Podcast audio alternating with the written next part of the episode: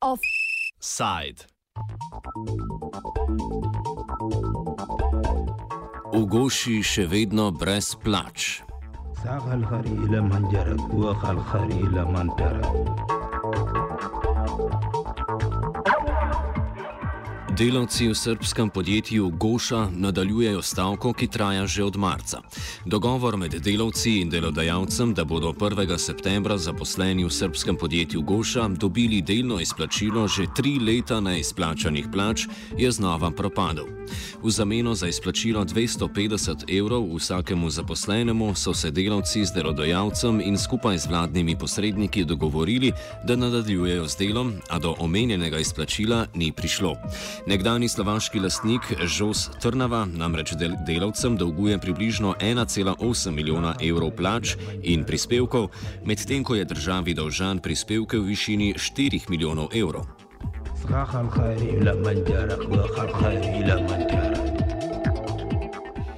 Od marca trajajoča stavka ni rodila sadov niti ob gladovni stavki, niti ob samomoru delavca. Nekaj mesečno genezo stavke, na katero se je opozarjalo tudi ob nedavnih protestih proti izvolitvi sedanjega predsednika Srbije Aleksandra Vučića, oriše Bogdan Ninkovič iz študentske fronte.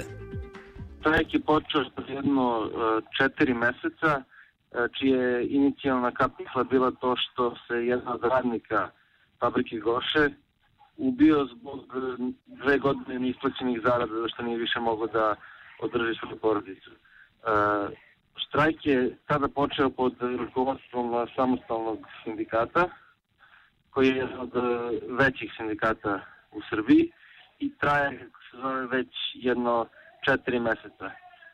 Tek sad kad se priča o tome da li će se štrajk završiti ili neće, ali nažalost radnici nisu došli do nikakvih konkretnih e, uspeha, niti se vidi e, bilo kakva volja poslodavca, ali vlade Republike Srbije da sarađuje sa radnicima. Že dolgoletno zanemarjanje delovske zakonodaje ne bi bila mogoča brez dobrikanja politike kapitalu in pogosto artikulacijo tega v obliki privabljanja investicij. Da je Goša paradigmatski primer trendov srpske politike, pojasni Marko Rljanovič z pravne fakultete Univerze Union v Beogradu. Srbija je e, dosta toga učinila u prethodnih nekoliko godina, naročito u prethodnih 5-6 godina, da privučete takozvane direktne strane investicije e, i u tome je relativno i uspešna, ali se postavlja pitanje po koju cenu. Dakle, primer Goše je veoma a, indikativan jer se tu desilo da firma koja a, inače ima perspektivu kada je reč o proizvodima dakle, koje ona plasira na tržište, bude praktično devastirana, dovedena do stečaja a, i to nakon privatizacije, nakon što je ta slovačka kompanija otkupila Gošu, a, a naročito je Goša Srbija, dakle simbol Srbije zbog toga što je taj slovački poslodavac punih pet godina kršio zakon, a da niko od državnih organa koji su morali da uoče ove, šta se tu dešava i morali su da sprovode makar neki nadzor nad njegovim radom, nije radio svoj posao, dakle ili nije uočio ili je ignorisao to kršenje zakona, pa je na kraju došlo do toga da poslodavac duguje 5 miliona evra državi i još, čini mi se, značajniju cifru za neisplaćene zarade radnici. Država je podjetje Goša prodalo slovaškemu podjetju Žos Trnava leta 2007. Aprila letos pa je lasništvo prevzelo podjetje Lisnard Holdings Limited, ki ima sedež v Cipru. Stavkajoči delavci so domnevno zamenjavo lasništva označili za fiktivno, saj da gre za istega lastnika slovaškega podjetja kot prej, ki se skuša znebiti slabega ugleda zaradi sedanjega dogajanja. Kdo je lastnik Goše? To je dobro pitanje.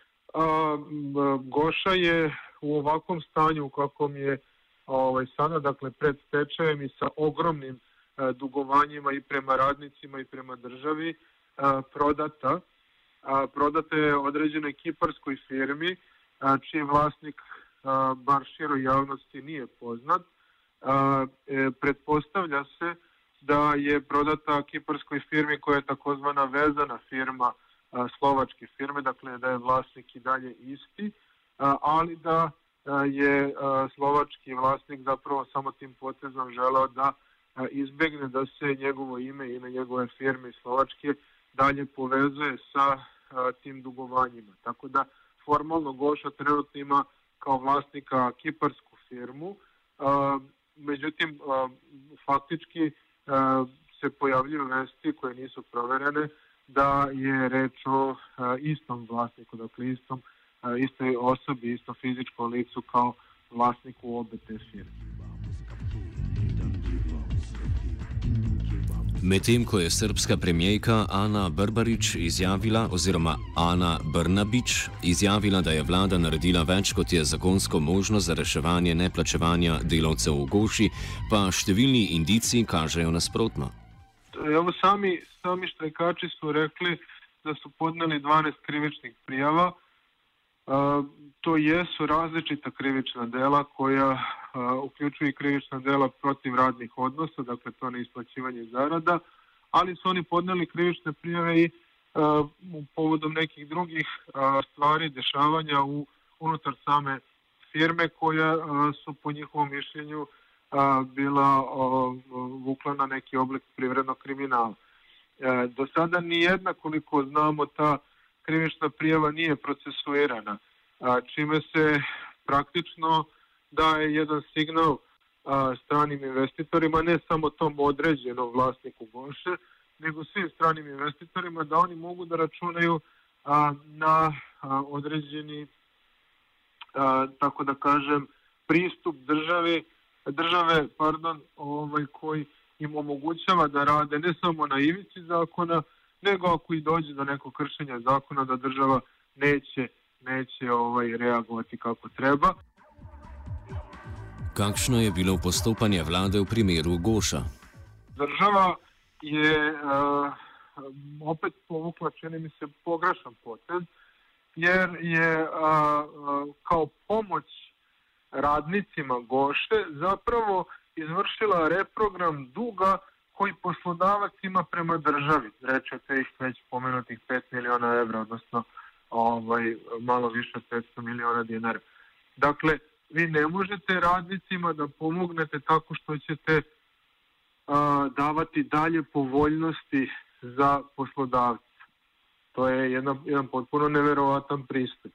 A, možete pomoći poslodavcu da on revitalizuje svoju proizvodnju na taj način što ćete mu ovaj, a, umanjiti dugove, odnosno olakšati vraćanje dugova. Međutim, ovaj poslodavac uopšte nije izrazio nikakvu želju da vrati te dugove, i vi sada sa tim reprogramom duga zapravo samo pokazujete kako ste vi slaba država koja ne može da zaštiti ni sobstvene interese, a onda ne može da zaštiti ni a, interese a, radnika koji su tu zaposleni, a koji su njeni građani. Tako da od to, tog reprograma duga a, koji je ponuđen vlasniku Goše, radnici Goše logično ne mogu da imaju ništa, odnosno ne mogu da se nadaju bilo kakvom bilo kakvoj pomoći i bilo kakvim boljim danima. Ovaj, postoji vezana mogućnost da na osnovu tog reprograma duga radnicima bude isplaćen jedan deo onoga što im se duguje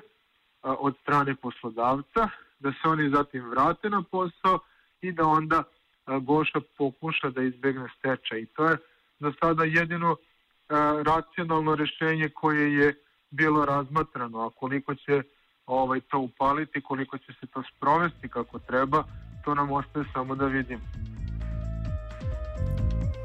Ostali sindikati sicer deklarativno podpirajo stavkajoče delavce v Goši, prav tako jim nudijo nekaj pomoči, a vendarle ne sodelujejo v polni meri.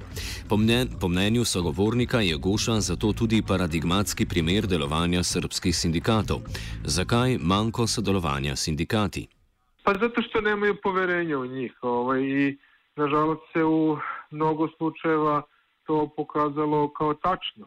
A, recimo, protest, odnosno štrajk u Fijatu je završen praktično porazom zaposlenih zbog toga što su sindikati prodali, u bukvalnom smislu prodali njihove interese.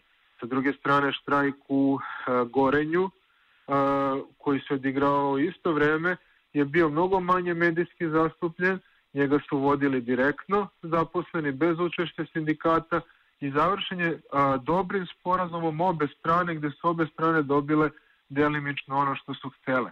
Tako da se gotovo kao neko pravilo pojavljuje da tamo gde sindikati učestvuju kao jedne veoma birokratizovane mašine koje su manje ili više pod uticajem države, da tu radnici zaposleni obično ne prođu dobro. Večkrat je na stavkajoče delavce letel tudi očitek o političnosti stavke. O tem, da je stavka predvsem socialna, a tudi politična, če ne ravno politikanska, današnji offside zaključi Reljanovič. Protest radnika Goše je uh, socijalni. Dakle, oni su uh, izašli pre svega sa socijalnim zahtevima jer su očajni. Uh, njima se već nekoliko godina unazad ne isplaćuje plata, a nešto malo što su dobili što od države, što od a, prethodnog vlasnika a, je zaista na tom nivou višegodišnjem smešna, smešna cifra. A, tako da a, ja verujem da oni duboko žele pre svega da svoj protest a, okarakterišu kao socijalni. A, međutim, a, kao što već i sami možete da vidite iz cele ove priče, a, jedna pozadina koja stoji iza toga pozadina jedne inertne države u kojoj ne postoji vladavina prava, svakako kvalifikuje ovaj protest kao politički i njihove zahteve kvalifikuje kao političke, jer oni ne žele da se takvo ponašanje, tolerisanje kršenja zakona od strane vlasnika Goše i drugih, naravno, poslodavaca nastavi. A to je zapravo politika koju Srbija kao država potencira. Tako da naravno ne javno, nego ovaj, faktički dozvoljava poslodavcima ono što izlazi iz okvira zakona. Tako da njihov protest ne može da bude samo socijalni. Kada se gleda iznutra, njihovi zahtevi jesu socijalni i pre svega se odnose na to da se njima vrati malo dostojanstva i šansa da prežive. Međutim, šire gledano, njihovi zahtevi su posledica sistema koji ne funkcioniše i e, zahtev za promjenom tog sistema je svakako politički, tako da ne postoji mogućnost da ovi protesti ne mogu da se okarakterišu kao politički. Offsite je pripravil Tit.